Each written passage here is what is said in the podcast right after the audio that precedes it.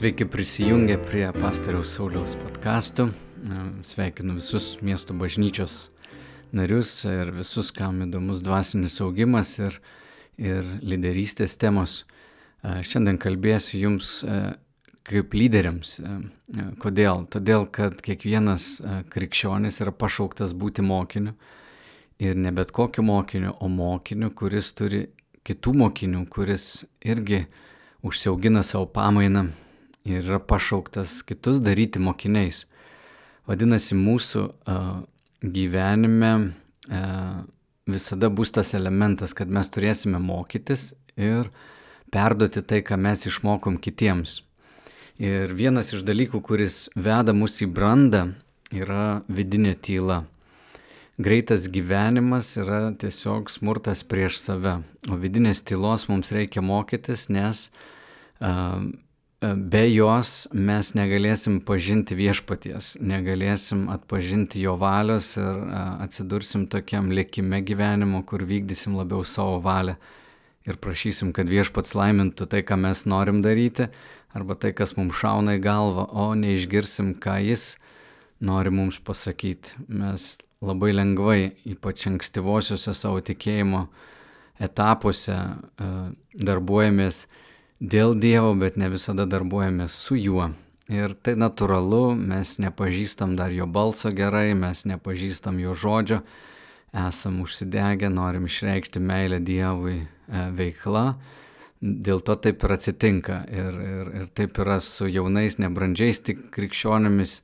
Ta pirmąją meilę mes paverčiam tokia veikla. Ir labai dažnai atsitinka taip, kad net užstringame ir dešimtmečių ir ilgiau, e, ir ypač kas atsistoja į tokią tarnystę vis, visų pilnu tatu, vat, ar, ar ten pastu, pastorium dirbti, ar, ar kokiu mažos grupelės lyderiu tapti, ar šiaip kokio tarnavimo vadovu. Labai lengva įsisukti tokią veiklą, kai tu supranti, jog tai yra labai reikšminga ir tu nori nenuvilti viešpaties, dažniausiai būna taip, kad nori nenuvilti savo tėvo ar mamos, kažkam įrodyti, tų dalykų ne visada net pagauni, taip ne, ne visada supranti savo sąmoningų protų, tai būna tarsi iš pasąmonės.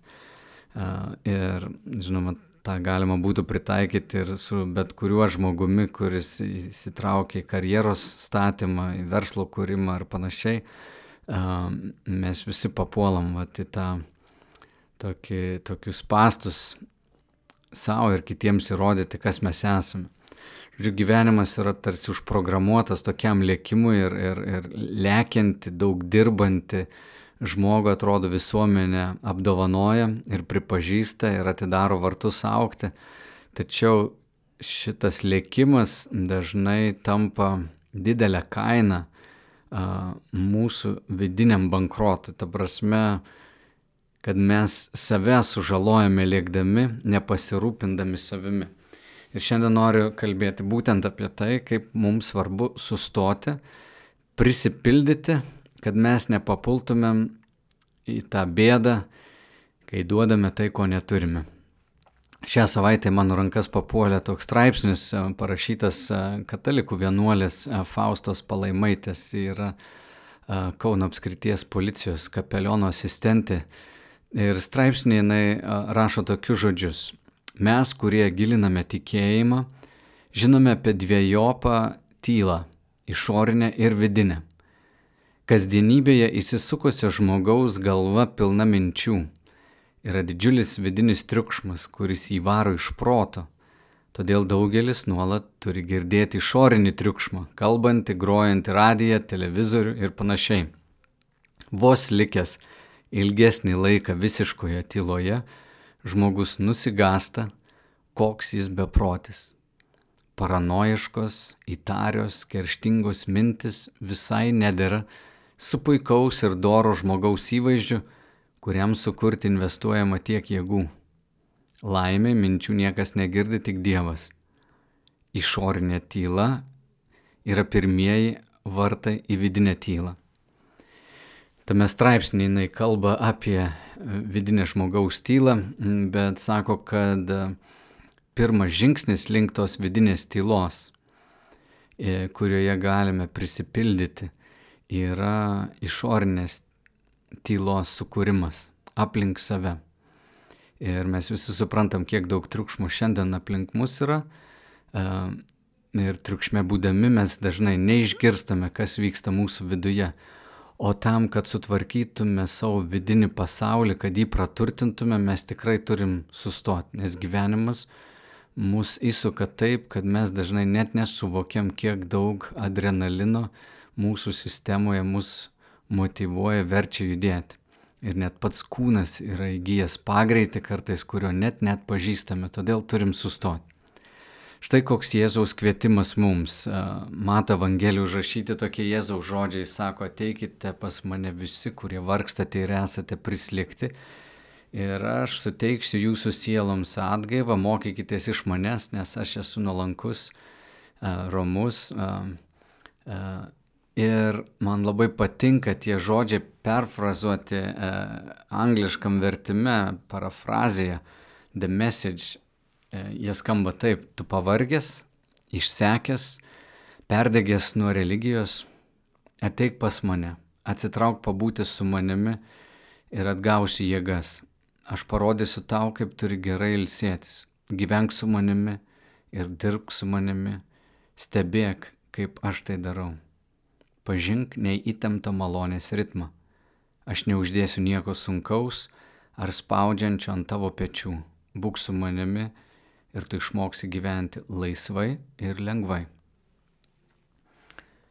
Jeigu krikščioniškame tarnavime, jeigu mūsų religinis gyvenimas pavirsta a, tokiu bėgimu arba dinksta džiaugsmas iš mūsų a, tarnavimo, vadinasi, mes jau lėkiame ir iš tiesų turbūt daugiau stengiamės padaryti dėl Dievo, nei pabūti su juo mes esame ta lekianti morta, bet nepabūname prie Jėzaus kojų kaip Marija. Ir tos pirmosios tikėjimo stadijos ir pasižymi e, dideliu veiklumu.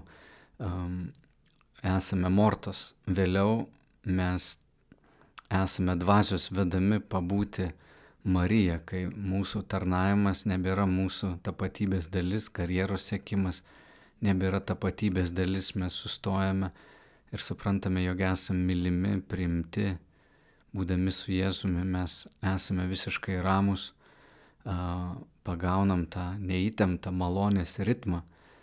Ir tada Marija prisijungia prie Mortos ir, ir, ir efektyvus toks tinkamas Dievui patinkantis gyvenimas yra, kai Morta ir Marija darbuojasi kartu, kai yra laikas skirtas pabūti su Jėzumi, pasidžiaugti juo vėliau pakilti nuo jo ko ir eiti daryti tai, ko jis paprašė mus daryti. Ir tai yra gyvenimas laisvai ir lengvai. Ir Jėzus sakė, kad nieko sunkaus neuždės ant pečių, nieko spaudžiančio, jo jungas bus švelnus, jis nesukels mums didelio diskomforto, nenutrins didelių puslių ar tokių mazolių, bet taip pat nebus sunkus, mes nebūsim visiškai prislėgti. O lyderio ta akloji dėmė yra tokia, mes kartais to ir nepastebim, mes duodame tai, ko neturime. Labai lengva pripildyti protą žiniomis, kurios mūsų pačių net nepakeitė. Ir aš nuolat susiduriu su krikščionimis, kurie ateina ir nori mane pamokyti, arba pasakoja man, ką aš netaip darau, arba kritikuoja, arba jie kažkur kažką paskaitė, matė kažkokį pamokslininką ir va, aš esu netoks kaip jie, mane palygina, nori primokyti, bet žiūriu jų gyvenimą, nematau džiaugsmo, nematau ramybės, nematau brandos, nematau meilės ir galvoju, na va, žmogus užstrigęs, jis, jis kažkaip galvoja, kad tai, kas yra jo galvoja, kad tai jau ir jis yra. Jis iš tikrųjų savo visų gyvenimų kalba daug daugiau ir pasako daug daugiau, nei ką jo lūpos šneka.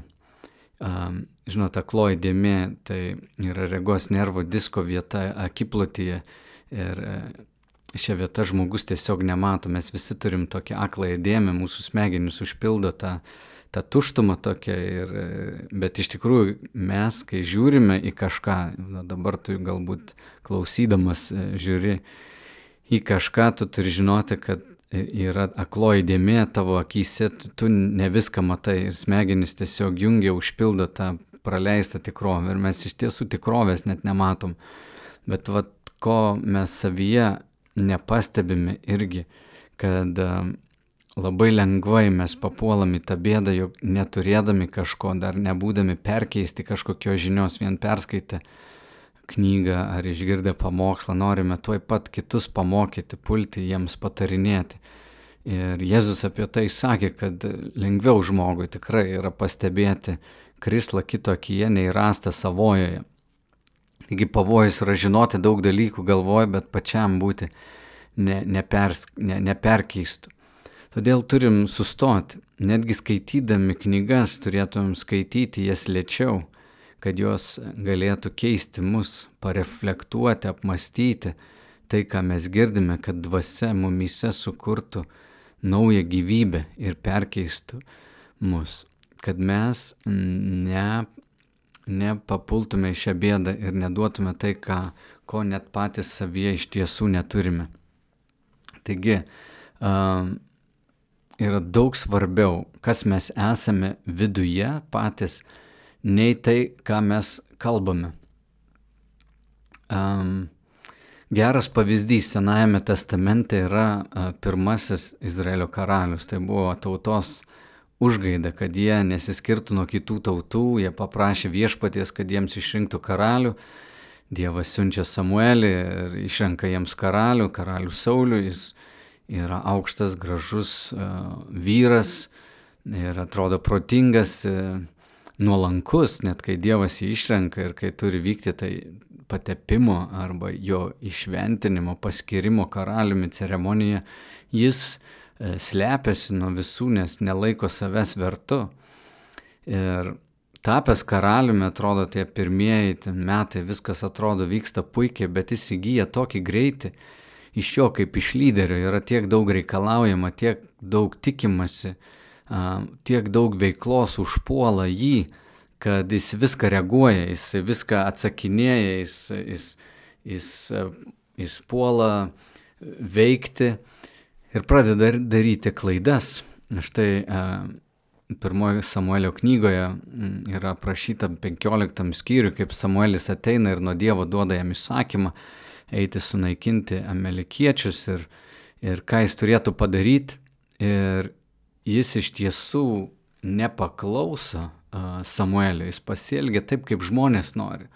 Mes matome tas pirmuosius įtrukimus tokius, kad karalius Saulis neturi to vidinio stuburo, to tikrumo tokio. Ir viešpats jam nėra pirmoji vietoje, žmonių baime keičia Dievo baimę.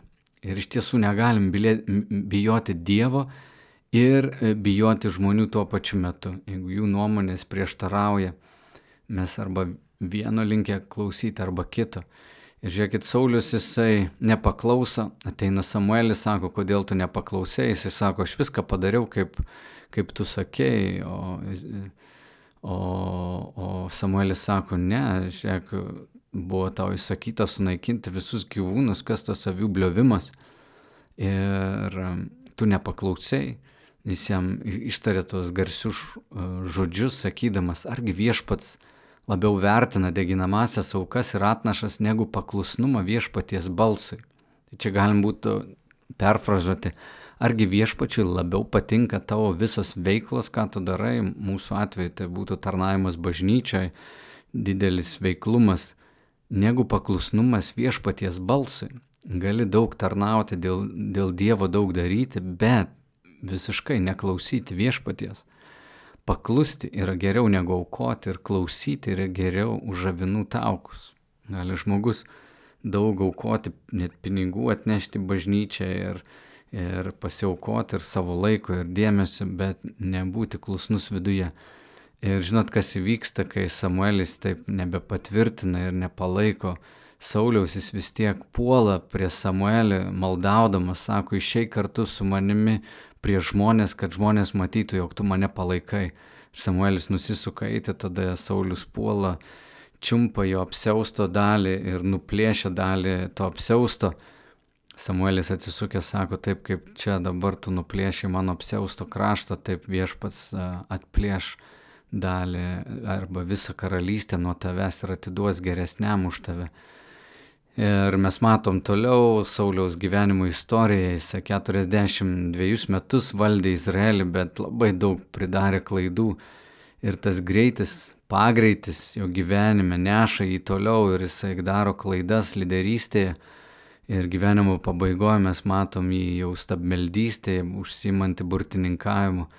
Ir žinoma, tai yra visiškai kūniško, tikinčiojo įvaizdis Senajame testamente, kaip žmogus yra pilnas veiklos, atrodo, daro darbus dėl Dievo, bet jo vidinis gyvenimas griūva, jo šeima griūva um, ir, ir jis daro žiaurias klaidas. Tai ką mes turim stebėti savo gyvenime, kad ne, neįsiveltume į tokį greitį ir todėl iš visų išgalių turime sustoti. Tarp kitko, viena iš septynių didžiųjų nuodėmių, jūs žinot, septynios didžiosios nuodėmės yra puikybė, gopšumas, pavydas, rūstumas, gašlumas, rajumas ir tingumas. Viena iš tų septynių didžiųjų arba mirtinųjų nuodėmių, kaip bažnyčiai vardina, yra tingumas arba vangumas. Daugelis žmonių galvoja, kad tai reiškia guli kažkur pakritęs ant sofkutės ir nieko neveikia ir nelei, nei, nei darbo. Visiškai ne e, tingumas arba vangumas yra būti užsijėmusiu nesvarbiais dalykais. Man labai didelį įspūdį yra palikusi tokia istorija, kurią Stevenas Kavis savo knygoje aprašo septyni efektyviausių žmonių įpročiai. Jis pasakoja apie du žmonės, kurie susilažino e, kapoti malkas, kas daugiau priskaldys malkų per, per vieną valandą. Ir vienas imas iš pėties kapoja, kapoja, kitas irgi dirba, tas, kuris e, suprakaitavęs varo, varo, varo, greitai nubėga už kampo, pasižiūri, žiūri jo priešininkas, sėdė atsisėdęs, ai, jis apsidžiaugęs puola, toliau kapoja, kapoja, kapoja, kapoja, be jokios pertraukos, nubėga vėl pasižiūri, kitas toliau sėdi, a, galvoja, tikrai aš jį aplenksiu valandą atvaręs, tokio neperstojimo, visiškai sekinančio, alinančio darbo, jie susitinka, palygina tas savo krūvas ir tas, kuris dirbo be jokių pertraukų, turi daug mažesnę krūvą nei Anas ir sako, kaip čia buvo, aš keletą kartų į tave pažiūrėjau, tu, tu vis sėdėjai. Sako, ne, aš nesėdėjau, aš kirvi galandau. Žydiškas supratimas apie tingumą arba vangumą ir yra nesiekti daryti geriausio. Tai yra sunkiai dirbti kažkaip, bet net nesustoti ir nesusimastyti apie tai, kur aš einu, neapmastyti savo kelio. Ir vangus žmogus arba tingus žmogus leidžia kitiems tai daryti už jį. Tai ir yra tikroji tinginystė. C.S. Lewisas netgi yra pasakęs, tik tinginiai dirba sunkiai. Ir žinoma, jis kalba ne apie mąstymo darbą, tokį, kur žmogus apmasto savo kelią, bet būtent apie tą, kuris numeta atsakomybę dėl to, ką jis daro, kuris eina kitiems, o pats atidirbinėja valandas, dirba nieko negalvodamas. Mes esam pašaukti sustoti, išgirsti, ko Dievas nori iš mūsų, atrasti vidinę tylą.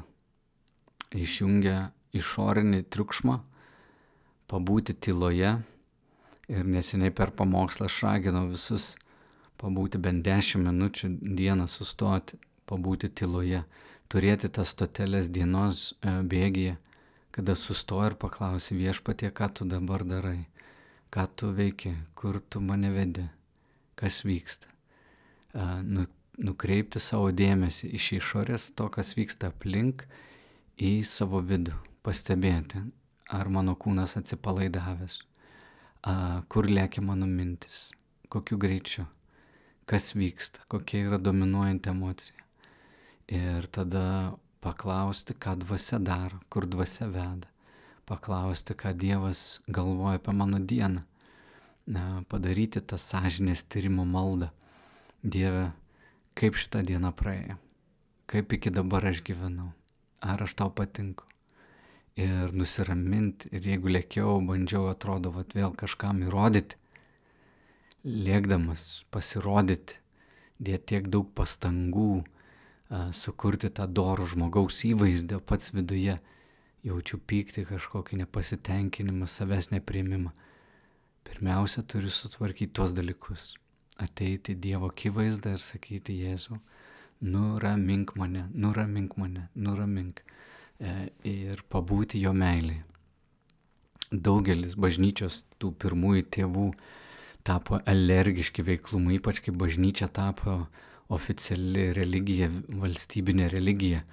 Daug kas pasitraukė į Sirijos ir, ir Egipto dykumas, tiesiog būti su viešpačiu, kaip toks kaip priešnodis jiems atrodė, atsitraukti ir ne tai, kad pabėgti nuo pasaulio ir nuo visų atrodo rūpešių, bet tiesiog būti tyloje, kad galėtų vykdyti jo valią. Štai vienas pasakojimas apie bažnyčios tėvą, tėvą Teodorą. Pas jį atėjo vyras ir norėjo su juo kalbėtis, maldavo, tris dienas persekiojo tėvą Teodorą ir prašė jį pasikalbėti, kažką jam pasakyti. Tris dienas nieko neišgirdęs iš tėvo Teodoro išvyko nusiminęs, nusivylęs, nepatenkintas. Kažkas priejo vienas iš brolių prie tėvo Teodoro ir sako, kodėl jam nieko nesakėjai. O jis jam atsakė, aš su juo nekalbėjau, nes jis yra prekybininkas, siekiantis save išaukštinti kitų žodžiais. Um, tas vyras, kuris atėjo pas tėvą Teodorą, jis nenorėjo pats pasikeisti, jis tiesiog norėjo pabūti šalia išminčiaus, išgirsti žodžių, kad grįžęs atgal į miestą galėtų pasigirti, ką girdėjo, ką jam pasakė, uh, visą tą išmintimi iš kito. Žodžiu, pats nesuvirškinęs, pats nepabuvęs tame, norėdamas kažkokių greitų žinių, bandyti keisti kitus. Ir aš tiesiog man kalbu šitos žodžius ir uh, man prieš akis stojasi bažnyčios tarnautojai, šiaip veiklų žmonės, krikščionys, kurie užsima visuomeniniam veiklom. Kai kurie taip atvertinėjo žmonės į tiesos kelią, kad patys nupuolė. Kai kurie atvertinėjo, nes buvo patys pilni tokio nepasitenkinimo savyje. Kai kurie gelbėjo narkomanus uh, ir patys įpuolė narkotikus, atvertinėjo, pamokslavo. Žinot, žmonėm visiems nuo to koktu. Mūsų darbas yra patiems visų pirma būti Dievo perkeistėm, tik tada eiti gelbėti, tik tada eiti, mm, kabutėse, pamokslauti, bet kažką pasakyti kitam. Ir tai yra didysis iššūkis mums visiems Kristaus mokiniams mes siekiam labai dažnai produktivumo išoriai, o Dievas žiūri, vertina mūsų gyvenimo viduje. To neužmiršk, Dievas žiūri, vertina mūsų gyvenimo viduje. Taigi, bandydami gelbėti kitus, nenupulkime patys, mes turim vesti kitus, nekengdami savo sielai. Todėl ir sakau, kad skubėjimas yra smurtas prieš savo paties sielą jei tu nesirūpini savo kūnu, jo nemaitini, tai tu prieš jį smurtauji. Jeigu tu neduodi jam polsio, jeigu tu neduodi jam kažkokio gero judesio, tu kenki savo kūnui. Jeigu savo sielai neduodi tylos, ramybės ir neįsiklausai į tai, kad Dievas tau kalba, nebūni tyloje, tu irgi smurtauji prieš savo sielą. Jeigu ją maitini tik triukšmu arba kažkokiu negativumu, tu smurtauji pats prieš save ir galiausiai tai, kas į tave įeina, tai iš tavęs ir išeis. O pavyzdys mums yra Jėzaus kvietimas ateik, pavargęs, išsekęs, ateik pas mane. Jėzus sakė, jis mėgavosi komuniją su tėvu ir mūsų džiaugsmas turi būti bendrystė su Jėzumi. Todėl užbaigsiu šį podcastą tais pačiais Jėzaus žodžiais. Tu pavargęs, išsekęs, perdegęs nuo religijos, ateik pas mane. Atsitrauk pabūti su manimi ir atgaus jėgas. Aš parodysiu tau, kaip turi gerai ilsėtis. Gyvenk su manimi ir dirbk su manimi. Stebėk, kaip aš tai darau. Pažink neįtemptą malonės ritmą. Aš neuždėsiu nieko sunkaus ar spaudžiančio ant tavo pečių. Būk su manimi ir tu išmoksi gyventi laisvai ir lengvai. Meldžiu, kad šitas podkastas padėtų tau gyventi geriau, mums visiems kaip bendruomeniai būti Jėzaus mokiniais, kurie būsim perkeisti iš vidaus Dievo malonę, kad galėtumėm būti palaiminimu ir kitiems. Ja, geros dienos visiems. Jeigu jums buvo naudinga, pasidalinkit su savo draugais, kad ir jie būtų praturtinti, jeigu tai jūs palaimina. Iki.